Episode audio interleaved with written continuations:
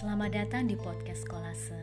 Kali ini adalah hari pertama tantangan 30 hari bersuara. Tema hari pertama adalah hari lahir. Tentunya hari lahir aku ya. Secara personal, aku bukan tipikal orang yang mengagungkan atau selalu heboh dengan hari lahir. Karena bagiku semua hari sama saja. Karena semua hari berharga. Jadi tidak ada sesuatu yang berharga di hari lahir menurut saya.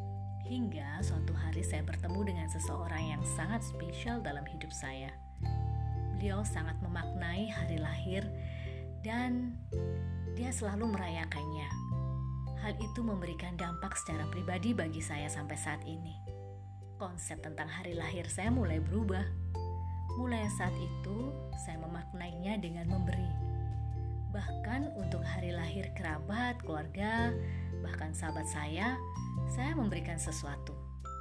Saya belajar bahwa setiap orang selalu ingin diperhatikan dan dihargai. Saya membayangkan kebahagiaan kerabat, sahabat, dan keluarga saya ketika ada suara paket di depan rumah mereka saat hari lahir mereka atau kejutan pas di hari lahir. Dan melihat kebahagiaan di wajah mereka adalah sebuah nutrisi bagi jiwa saya.